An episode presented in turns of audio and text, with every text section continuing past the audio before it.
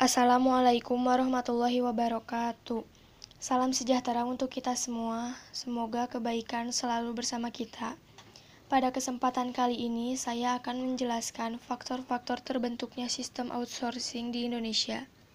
Di antaranya yaitu Pertama, gaji pekerja outsourcing sudah dipotong sebagai imbalan jasa atau kontrak. Kedua, Pekerja outsourcing mayoritas pekerja lapangan di mana mereka harus berinteraksi dengan dunia luar dan orang lain. Ketiga, mereka kebanyakan mengandalkan satu pekerjaan itu. Keempat, gaji mereka terpotong lebih banyak lagi dari masa sebelum pandemi.